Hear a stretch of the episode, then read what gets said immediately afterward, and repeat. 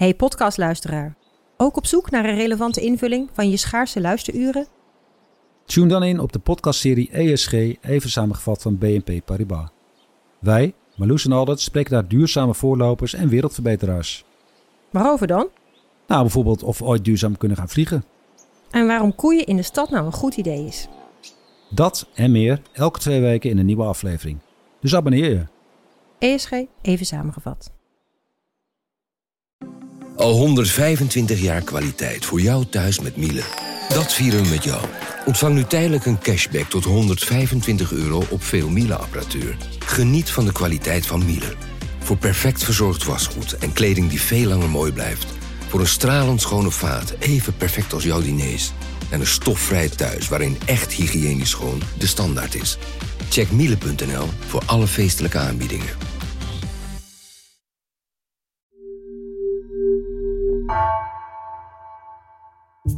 Vanaf de redactie van NRC het verhaal van vandaag.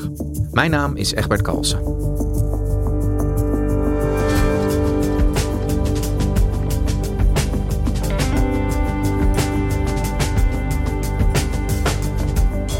De gevechtspauze tussen Israël en Hamas is met twee dagen verlengd.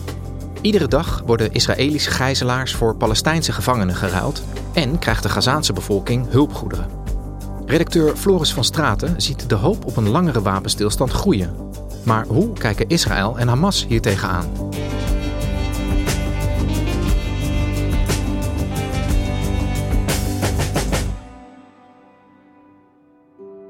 Het is vrijdagavond, vlakbij de kibbutz Hatzerim in Israël. Uh, daar rijden vijf ambulances in het donker over de weg. Mensen staan langs de kant van de weg met Israëlische vlaggen. Ze joelen, ze juichen, ze applaudisseren en ze wapperen met vlaggen. In deze ambulances zitten namelijk 13 Israëlische en 10 Thaise gijzelaars die eerder op de dag zijn overgedragen aan het Rode Kruis door Hamas.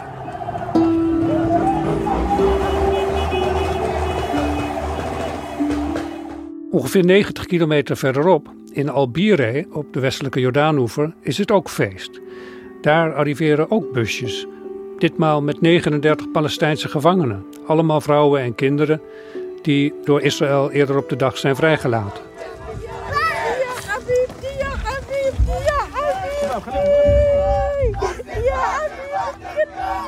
Daarmee is de eerste dag van de uitruil tussen Israël en Hamas een feit. Die uitruil die behelste een staakt het vuren en de uitwisseling van gevangenen en gijzelaars. Uh, en daarnaast, heel belangrijk voor de burgers in Gaza, uh, was er ook afgesproken dat eindelijk weer humanitaire hulp volop kon uh, doorgaan naar de Gazastrook. We have launched 326 trucks full of food, nutrition for children, shelter, including tents and personal items, medications and medical supplies, and 20 ambulances. Na zeven weken van zware bombardementen en hevige gevechten is Israël na zware internationale druk akkoord gegaan met zo'n staakt het vuren.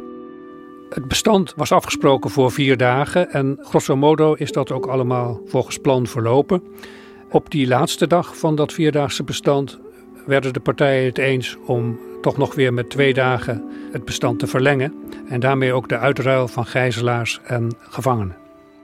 De hoop is ook van de internationale gemeenschap dat dat een definitief bestand kan worden. Maar zover is Israël nog lang niet. Israël wil juist doorvechten, zoals ook premier Netanyahu herhaaldelijk heeft aangegeven.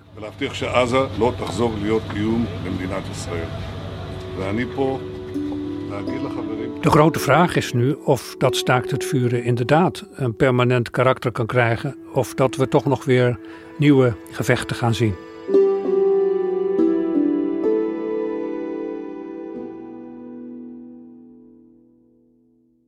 Ja, Floris, we zitten inmiddels op uh, dag twee van de verlenging van het staakt het vuren. Hè, na zeven weken felle strijd, zoals jij zei. Hoe is die wapenstilstand eigenlijk tot stand gekomen? Al vrij snel nadat de oorlog was uitgebroken, zijn de eerste diplomatieke stappen gezet van de kant van Qatar. Qatar zei, heeft de Amerikanen benaderd en gezegd: misschien moeten wij toch erin springen om te voorkomen dat dit verder uit de hand gaat lopen. En uh, proberen een bestand tot stand te brengen. We moeten niet vergeten, Amerika is echt verreweg de belangrijkste bondgenoot van Israël in dit alles. En Qatar heeft een heel bijzondere positie en is eigenlijk zeer geschikt als bemiddelaar, omdat ze van ouds nauwe contacten hebben met Hamas. Ze hebben Hamas ook jarenlang financieel gesteund en daarmee de burgerbevolking in de, in de Gazastrook. Maar daarnaast heeft uh, Qatar ook altijd uitstekende betrekkingen gehad met Amerika. En daardoor was Qatar in een positie om indirecte onderhandelingen tussen Hamas en Israël tot stand te brengen.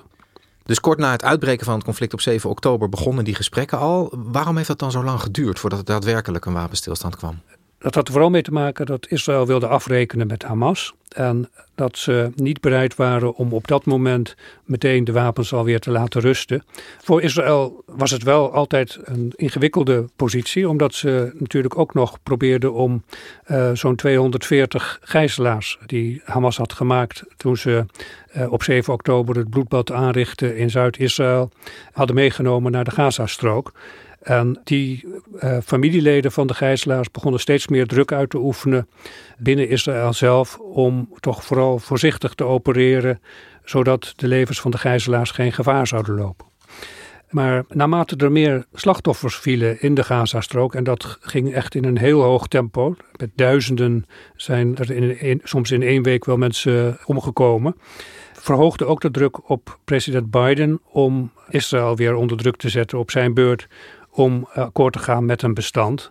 Dus de Amerikaanse druk op Israël die nam steeds verder toe, waardoor Israël op een gegeven moment toch het gevoel kreeg dat ze zich niet langer konden verzetten tegen zo'n bestand. En welke voorwaarden zijn er afgesproken bij dit staakt het vuren, bij dit bestand? Nou, er zijn een aantal dingen vastgelegd uh, in het akkoord. Ten eerste dat Hamas minimaal uh, tien gijzelaars elke dag vrijlaat.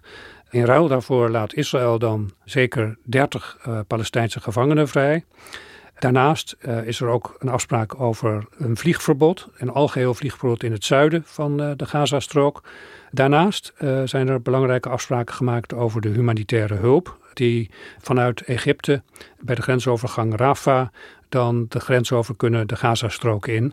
Zo'n 150 à 200 vrachtwagens per dag is dat in de praktijk.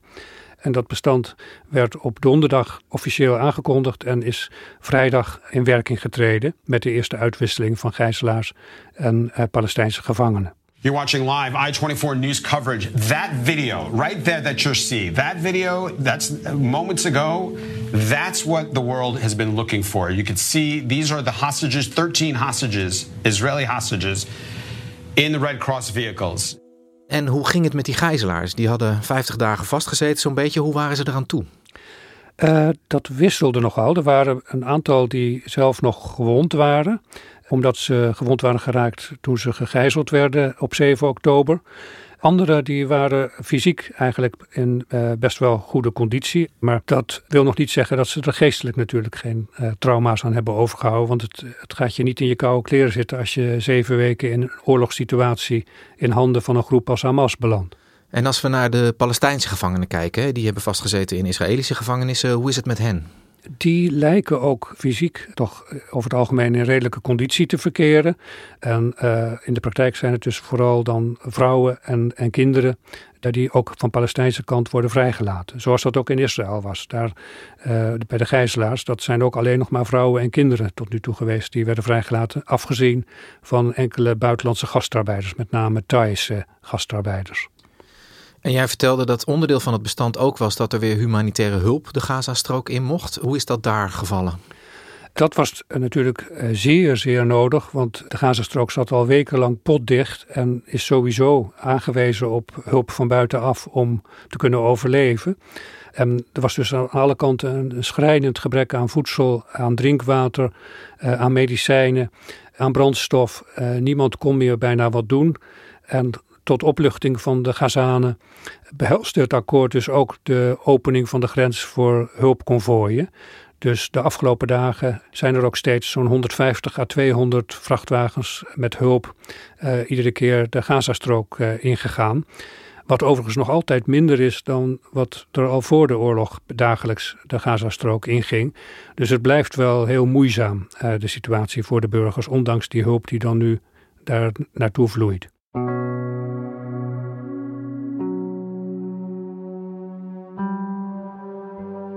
Dat bestand wat sinds vorige week vrijdag dus uh, van kracht is, uh, dat duurt inmiddels uh, bijna vijf, zes dagen. Die eerste dag heb je net mooi beschreven. Ehm, ging het zo soepel ook zeg maar die andere dagen of waren er ook problemen? De eerste dag ging eigenlijk nog het makkelijkst. Daarna was het iedere keer uh, tenen krommend wachten of het nou wel of niet zou lukken. Omdat er uh, toch beschuldigingen waren over en weer dat men zich niet aan de afspraken hield. Israël vond dat uh, de lijsten met vrij te laten gijzelaars niet deugden die Hamas dan doorstuurde. En daar was geharrewar over. Anderzijds beschuldigde Hamas Israël ervan zich niet aan het staakt het vuren te hebben gehouden en toch te hebben geschoten op een aantal Palestijnen in de Gazastrook. En het is niet duidelijk geworden wie daar dan gelijk had, maar uiteindelijk was het eind van het liedje toch dat uh, telkens wel weer, soms met vertraging, de gijzelaars en de gevangenen werden vrijgelaten zoals was afgesproken. En weten we eigenlijk waar die gijzelaars van uh, Hamas zijn en of ze allemaal nog leven? Dat is in sommige gevallen niet helemaal duidelijk. Hamas zelf heeft soms ook moeite om te traceren waar nu die gijzelaars eigenlijk zijn gebleven. Ook omdat een deel van de gijzelaars in handen is van een andere groep, de Islamitische Jihad, die ook opereert vanuit de Gazastrook. En sommigen zouden zijn ondergebracht bij gezinnen. Maar hoe dat uh, precies met ze gaat en waar ze zitten, dat is maar heel beperkt, uh, is daar de kennis over. Er zijn in elk geval ook al minstens drie gijzelaars omgekomen terwijl ze in hechtenis in de greep van Hamas verkeerden.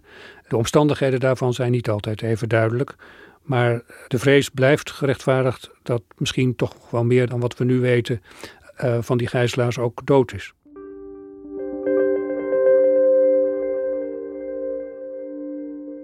En nu is er dus een verlenging van die wapenstilstand afgesproken en ook van de uitruil eh, van gijzelaars en gevangenen. Is dat onder dezelfde voorwaarden als dat eerste bestand? Dat weten we ook niet helemaal precies, maar uh, het lijkt erop dat met name Hamas wel heel graag steeds verlenging wil.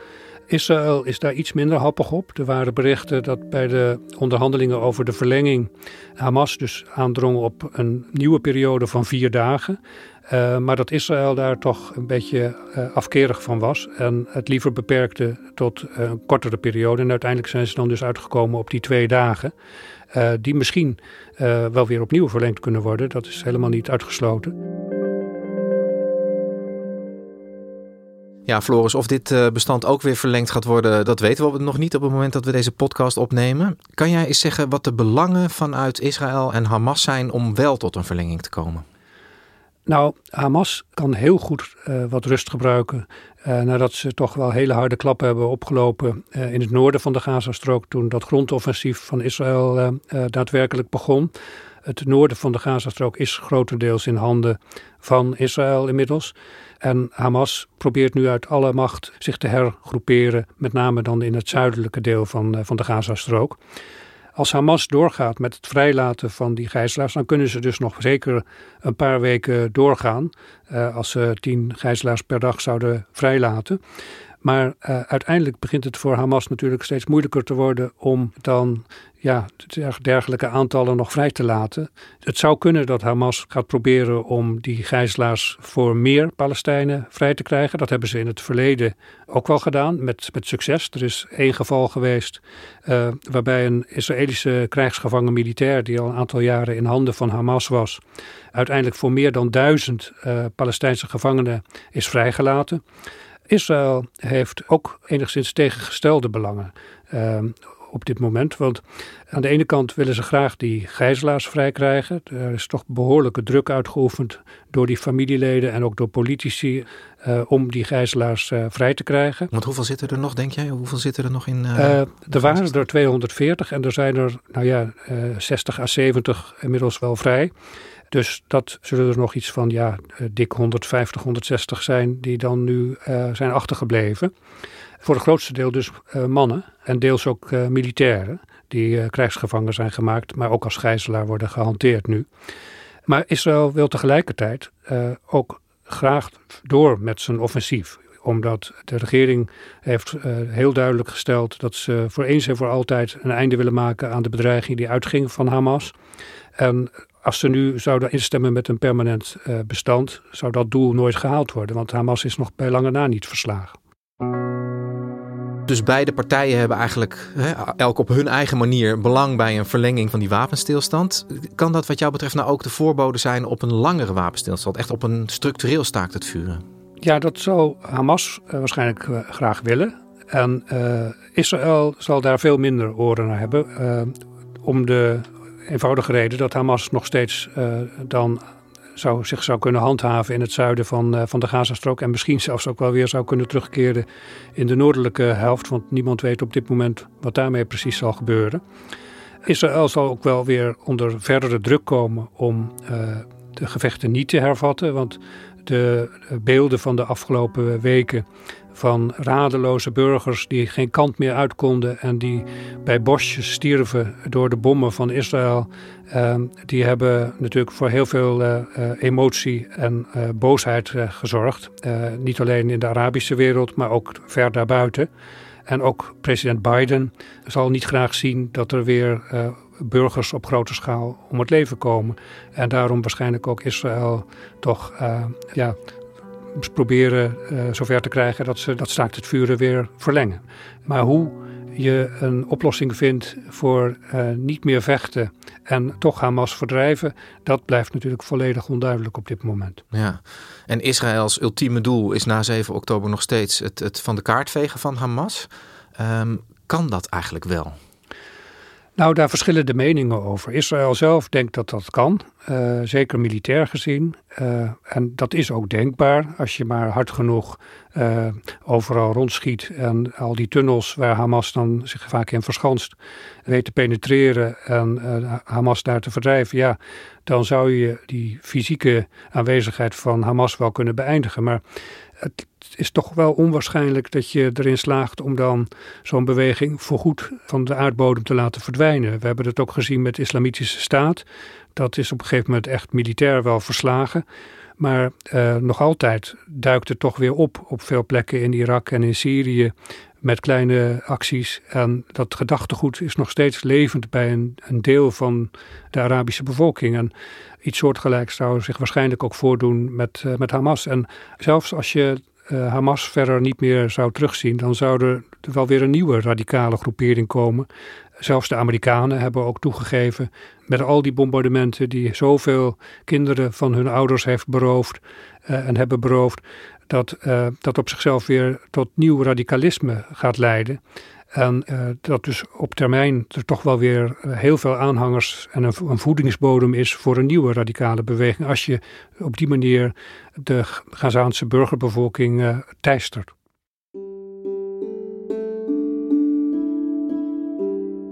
En Floris, tenslotte, uh, het is nu zes dagen rustig geweest in de Gazastrook. Um, moeilijke vraag, maar hoe moet dit nou verder, denk je? Wat is een waarschijnlijk scenario over hoe Israël en Gaza zich tot elkaar zullen gaan verhouden?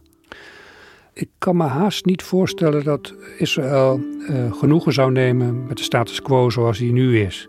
Ze willen natuurlijk ook graag hun gijzelaars, de, de overblijvende gijzelaars vrijkrijgen. Dus wat dat betreft zullen ze heus nog wel het bestand even één of twee keer willen verlengen. Maar uiteindelijk willen ze niet dat Hamas uh, een nieuwe kans krijgt om zich militair ook weer te hergroeperen en een nieuwe vuist te maken. Dus ik, ik denk dat er toch nieuwe militaire acties zullen volgen op termijn van de kant van Israël. Hoe hevig en hoe ver, dat is wel zeer de vraag. En het is ook de vraag dus in hoeverre, het is echt een, een zeer onzekere factor, of Amerika ze dan zal blijven steunen. Dus hoe het precies zal lopen in de Gazastrook weet op dit moment niemand. Maar in ieder geval is er wel een sprankje hoop met het huidige bestand. Dankjewel, Floris. Graag gedaan.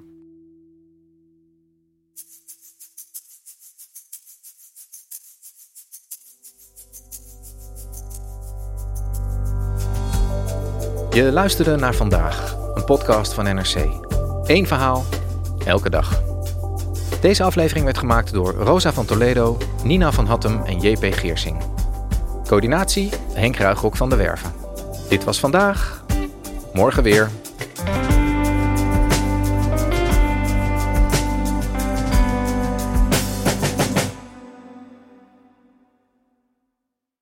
Technologie lijkt tegenwoordig het antwoord op iedere uitdaging. Bij PwC zien we dit anders. Als we de potentie van technologie willen benutten, kunnen we niet zonder een menselijk perspectief. Human-led, tech-powered noemen we dat. Ga naar pwc.nl.